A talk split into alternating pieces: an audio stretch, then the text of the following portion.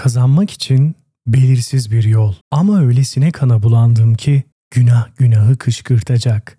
Gözyaşı ve merhametin yeri yok bu gözlerde. William Shakespeare. Bu bölümde iktidarda kalabilmek için her yolu meşru ve mübah gören Machiavellizm felsefesi ve tabii ki de bu siyaseti benimseyen iyiliksever despotun başvurabileceği herestetik ve politik manipülasyon sanatı konularını ele alacağım. Aydınlanabileceğimiz bir bölüm de olacak aynı zamanda. Yıllardır bu herestetik ve politik manipülasyon stratejileriyle iktidarda kalan bu kişiler nasıl taktikler ve teknikler kullanıyorlar? Aslında biraz detaylı bir şekilde bu konulara değineceğim. Herkese merhaba. Ben Faruk Toprak. Bilinmeyenleri keşfete hoş geldiniz.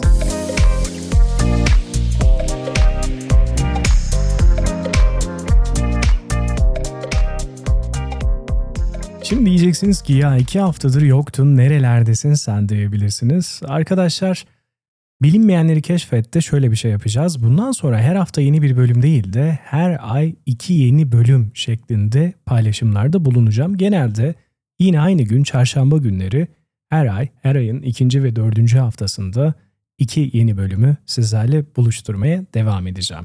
Bu hafta bu seçimin ardından gelen podcast konusu direkt olarak seçimle, politikayla ve iktidarın diktatörlük seviyesinde varlığını devam ettirmesine biraz da manipülasyonun bu işlerle ne gibi bir alakası olduğuna değinip detaylıca bir bölümü sizlerle paylaşacağım. Aslında çok bambaşka bir bölüm vardı bu hafta aklımda. Ancak seçim sonuçlarını gördükten sonra dedim ki ya tamam biliyorduk ama bir umudumuz vardı yani bu umudumuzu da bu kadar karartmayın be kardeşim. Yani bu kadar koltuk sevdası nedir ya? Ben ve benim gibiler gençliğinin en güzel dönemlerinde sürekli aynı kişiyi ekranlarda görmek zorunda değil. Ama maalesef ki sanırım bir süre daha görmeye devam edeceğiz bu kişileri ya da bu partileri.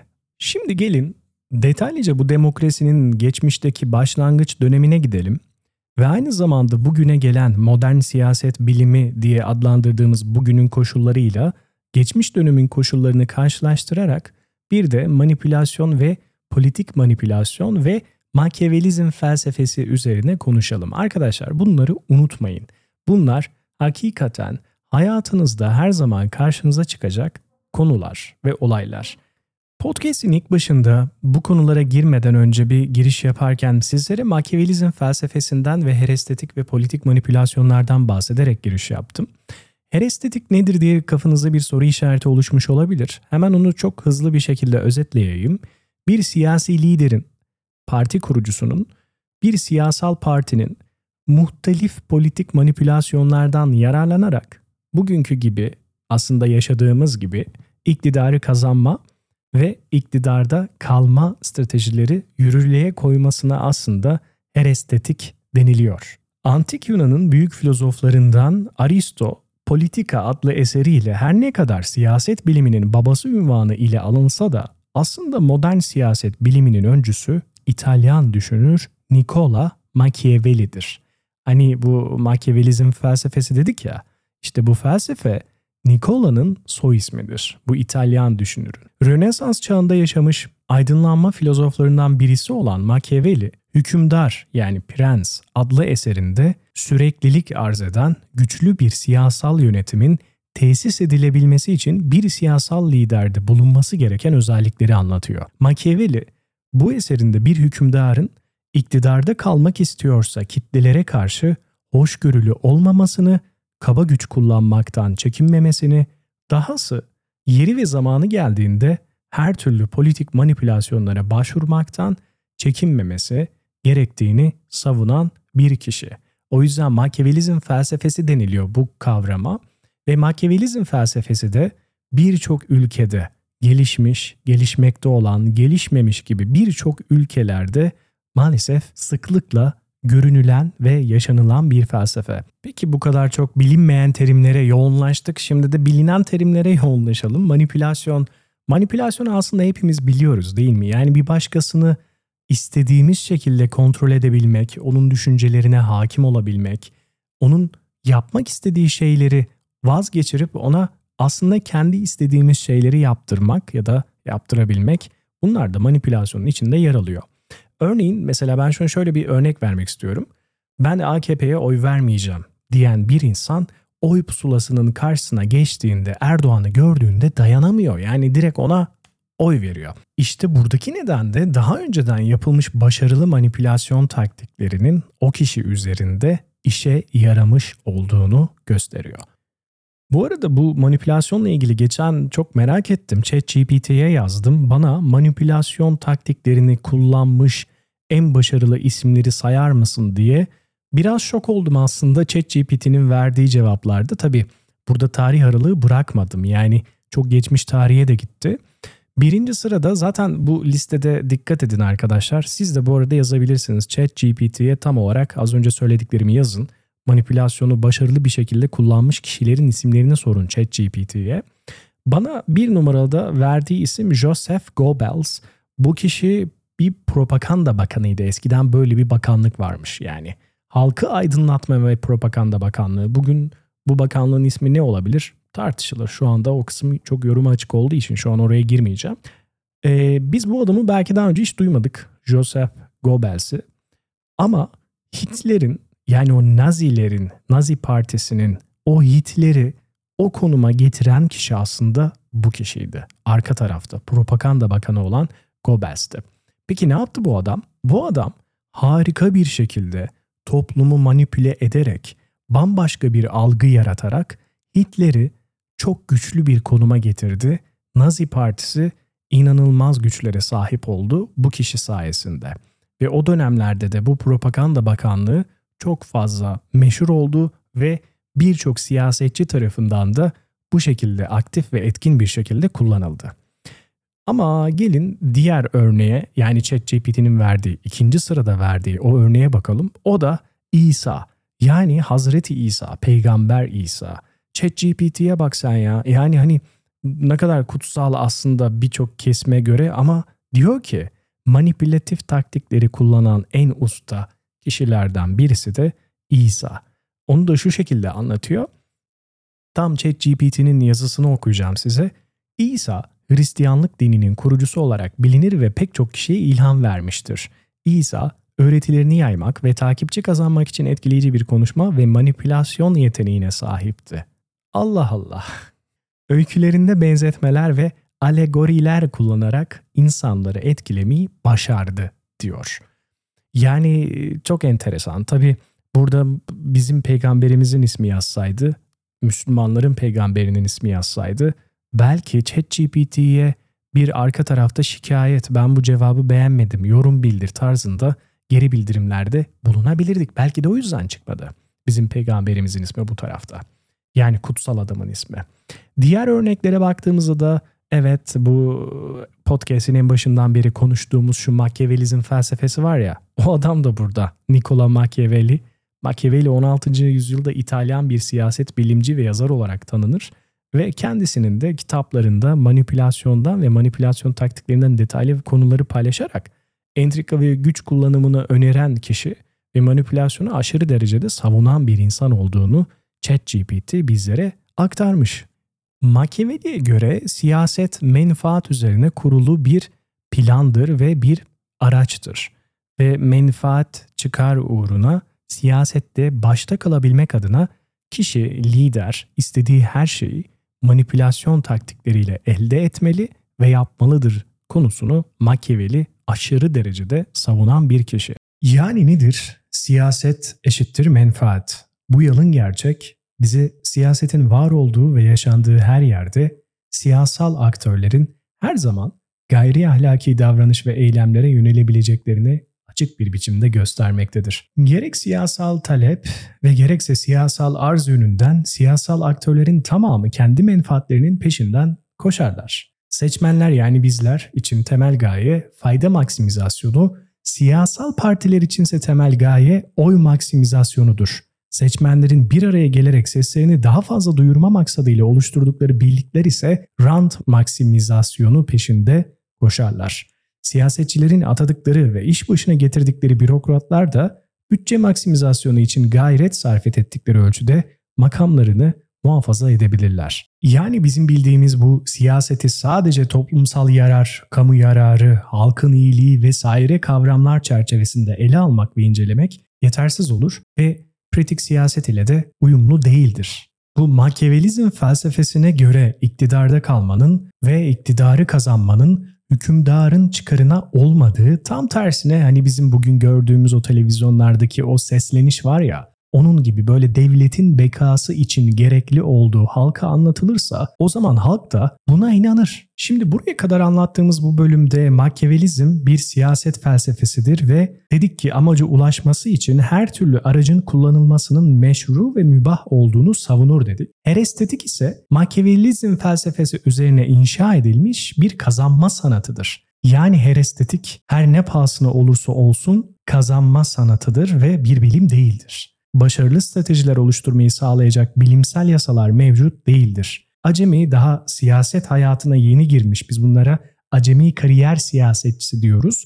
İktidarı kazanmak uğruna alacağı kararlar için izlemesi gereken manipülasyon ve manevraları bu taktikleri pratikte öğrenebilir. Bunlar maalesef kitaplarda yazan şeyler, konular değil. Bu manipülasyon taktiklerini pratik ile güçlendirerek halkı daha fazla yönetebilir ve kitlelere daha iyi hitap edebilirler. Herestetik sanatında iktidarı kazanmanın yollarının başında ne geliyor? Milletle bütünleşmek ve millete övgü dolu sözlerle selamlama yani aziz millet, yüce millet vesaire tarzındaki o selamlamalar büyük önem taşıyor.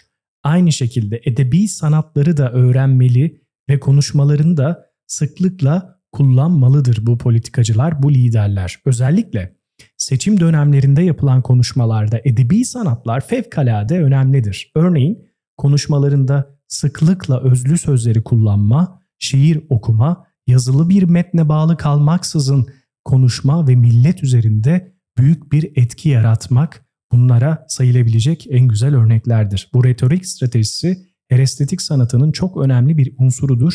Retorik esasen ikna ve etkileme gücü yüksek olan hitaben sanatına verilen isimdir. Şimdi bu açıklamaların ardına gelin bir de politik manipülasyonlara bakalım, muhtelif örnekler verelim bununla alakalı. Toplamda 8 tane örnek vereceğim. Sırayla bunların üzerinden gidelim. Birinci sırada hepimizin çok aşina olduğu, duyduğu bir e, örnek var. Nedir bu? Yalan aşırı vaatte bulunma. Bu yalan ve e, halkı kandırma, aşırı vaatte bulunarak politikacıların oy kazanmak için sıklıkla başvurdukları yöntemlerin başında gelirmiş. Devlet kurumları ya da devlet yanlısı sivil toplum kuruluşları resmi verileri, istatistikleri vesaire manipüle ederek millete eksik, yanlış, taraflı veya aşırı enformasyon sunabilirler. Bu bizim politik manipülasyonda gördüğümüz, çok sık karşılaştığımız birinci yöntemdir. İkinci yöntemde retorik, retorikten de bahsetmiştik. Özellikle siyasetçilerin konuşmaları sırasında halkın hoşuna gidecek üslupta söz söyleme ve konuşma yeteneklerini kullanarak seçmenleri etkilemeye ve iradeleri üzerinde etkili olmaya çalışabilirler. Retorik, ikna ve etkileme gücü yüksek olan hitabet sanatına verilen isimdir. Hani neler söylemiştik? Şiir okuma ve onlara bir metne bağlı kalmaksızın normal bir şekilde konuşma ve hitap etme retorik sanatına verilen isim. Üçüncü sırada log rolling geliyor. Oy ticareti, ittifak. Şimdi log rolling'i açıklamamıştık. Log rolling, negatif log rolling yani oy ticareti ve ittifak siyasette yeri ve zamanı geldiğinde yaygın olarak kullanılan politik manipülasyon araçlarıdır. Birbirinden tamamen farklı ideolojilere sahip olan bu parti liderleri menfaatleri uğruna ittifak yapmaktan hiçbir zaman çekinmezler ve toplum yararına olmayan bu türde kirli ve gizli ilişkiler pratik siyasette yaygındır. Bununla ilgili çok çok güzel örnekler var ama şu an burada seslendirmeyeyim. Zaten biz bunları her gün haberlerde görüyoruz. Dörtte de oy satın alma, siyasi simsarlık. Tabi biz bunu çok masumane görüyoruz bu olaylar yaşandığında. Oy satın alımı yani vote buying deniliyor bunu İngilizce'de seçimden sonra bir milletvekilinin veya bir grup milletvekilinin kendi partisinden ayrılarak diğer partiye geçmesi durumunu ifade eden bir terim. Bir siyasal partiye mensup milletvekili seçim sonrasında para ve diğer şekillerde menfaat sağlayarak bir başka siyasal partiye geçebilir. Hizmet kayırmacılığı. Bu da bizim çok sık gördüğümüz, yaşadığımız bir olay. Hizmet kayırmacılığı. Buna İngilizce'de pork barreling deniliyor. Bu da iktidar partisinin oylarını maksimize etmek için daha önce seçimi kazanmış olduğu bölgelere devlet bütçesinden ilave kaynak aktararak daha fazla hizmet götürme çabalarını ifade ediyor. Bunun amacı da burada iktidarın o bölgeyi asla hiçbir zaman kaybetmemesi için devletin tüm kaynaklarını sonsuz bir şekilde kullanması. Diğer bir örnek seçim bölgesi kayırmacılığı, hileli seçim bölgesi taksimatı. Hileli seçim bölgesi taksimatı buna da İngilizce'de gerrymandering deniliyor bir siyasi partinin seçimi kazanması için birbirine yakın seçim bölgelerinin sınırlarında değişiklikler yaparak seçimi kazanma stratejisidir. Diğer örnek stratejik oylama. Stratejik oylama da seçmenlerin iç ve dış konjonktürdeki muhtelif sosyal, siyasi ve iktisadi olaylar ve gelişmeleri dikkate alarak ideolojik açıdan kendilerine yakın buldukları ve geçmişte oy verdikleri aday ya da siyasi partiden vazgeçerek bir başka adaya ya da partiye oy vermeleri anlamına gelir. Biz de özellikle Cumhurbaşkanlığı seçiminde gördük bu stratejik oylamayı. Kılıçdaroğlu'nu sevmeyenler bile Erdoğan'ın koltuğunu kaybetmesi uğruna Kılıçdaroğlu'na oy verdiler mesela. Bu da tamamen stratejik oylamaydı. Son olarak da gündem kontrolü bu da politik ajanda oluşturma gibi düşünülebilir burada. Gündem kontrolü özellikle seçim dönemlerinde mevcut iktisadi ya da sosyal sorunların bir süreliğine de unutulması için resmi medya organlarının ve ayrıca hükümeti destekleyen medya kuruluşlarının yapay gündem oluşturarak seçmenin aklını bu alanlara yönlendirmeleri çabalarını ifade eder. Aslında gündem kontrolü. Bunun da en güzel örneği Türkiye'de e, yaşanan acı verici deprem olayının maalesef bizim gündemimizde şu anda yer almaması. O kadar çok insan öldü ki, o kadar çok ev harap oldu ki ama Gel gör ki maalesef bu konular konuşulmuyor bile. Deprem konuları, o bölgede yaşanılan olaylar. Bunu da gündem kontrolü olarak özetleyebiliriz. Burada bambaşka bir Türkiye, bambaşka bir ülke resmi çiziliyor gündemde. Şimdi bu bölümde sonuç olarak sizlere şunları anlatmak istiyorum. Demokrasi, düşüncenin ilk ortaya çıktığı antik Atina'dan günümüze yaklaşık 2500 yıl geçmesine rağmen modern temsili demokrasilerin ulaştığı seviye maalesef antik Atina'da idealize edilen demokrasi düşüncelisinden de çok daha gerilerde olduğu görülüyor. Öyle değil mi? Yani şaşırtıcı bir şey. Bizim bugün bu bildiğimiz modern temsili demokrasilerde yaşanan bu patolojilerin ana nedeni gördüğümüz kadarıyla irrasyonalite ve diğer önemli bir başka nedeni de seçilmiş kişilerin, yöneticilerin güç ve yetkilerini keyfi ve sınırsız bir şekilde kullanıyor olmalarından kaynaklanıyor. Yani 2500 yıl önceki demokrasinin bu dönemki demokrasiden daha iyi olmasının ana nedeni aslında bu. İktidarı kazanmak ve iktidarda kalmak için her yolu meşru ve mübah gören siyasi lider ve siyasi yöneticilerin hırslarına gen vurmak için ne yapılmalıdır sizce? Acaba sorun demokrasi içinde bazı tedbirler ya da araçlarla hani örneğin görev süresi sınırlaması, hesap verme sorumluluğu, denetim, kuvvetler ayrılığı vesaire çözümlenebilir mi bu tarz konularla? Bu içinde yaşadığımız 21. yüzyılda dünyanın birçok bölgesinde varlığını sürdüren tersine demokratikleşme dalgası ve otokrasinin yükselişi bize umutsuzluk aşılasa da ideal bir siyasal düzen inşa etmek için mücadele etmekten vazgeçmeyeceğiz.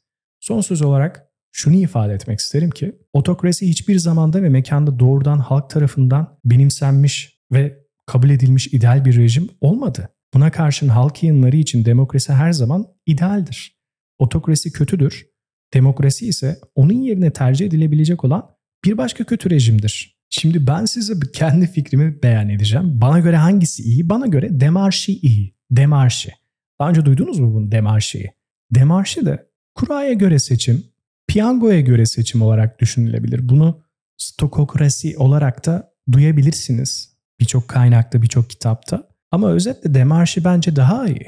Manipülasyon yok, politik manipülasyon yok, makyavelizm felsefesi yok. Tamamen adaylar kuraya göre seçilirler. Tabii bu bazılarınıza göre saçma da gelebilir. Ben demarşiyi savunmuyorum, gidip oy vermek istiyorum da diyebilirsiniz. Herkesin kendi fikri, kendi düşüncesi. Ama maalesef kitleler manipülasyona çok maruz kaldığı için yanlış seçimler ve yanlış tercihler yapabiliyorlar. İleride yani yakın gelecekte Manipülasyondan kurtulmak için ne gibi yollara başvurabiliriz? Bunlar üzerine kafa yormakta bence fayda var. Keşke medya tamamen iktidarın elinde olmasaydı belki de bu kadar manipülatif güce sahip olamazlardı. Belki de o hani İç Anadolu bölgesi diyorsunuz ya işte şehirler sayıyoruz. Bu bölgeden neden bu kadar çok fazla oy çıktı diye. Belki de bu tarz konuları yaşamazdık. Evet bugün biraz fazlaca bilinmeyen terimlere, bilinmeyen konulara çok değindim. Umarım beğenmişsinizdir. Umarım faydalı bir bölüm ve içerik olmuştur herkes için. Aslında herkesin morali bozuk, gergin. Özellikle bu dönemde, seçim döneminde. 28'inde tekrar sandığa gideceğiz. Haftaya pazar günü. Umarım umudumuzu kaybetmeyeceğimiz, tekrardan o neşeli günlere dönebileceğimiz o güzel günlere kavuşuruz en kısa zamanda. Bir sonraki bölümde tekrardan sizlerle görüşmek üzere diliyorum. Kendinize iyi bakın, hoşçakalın. Bilinmeyenleri keşfeti dinlemeyi ve sosyal medya platformlarında takip etmeyi unutmayın. Bu bölümün tüm kaynaklarına bilinmeyenleri keşfet.com web sitemizden ulaşabilirsiniz. Hoşçakalın, bay bay.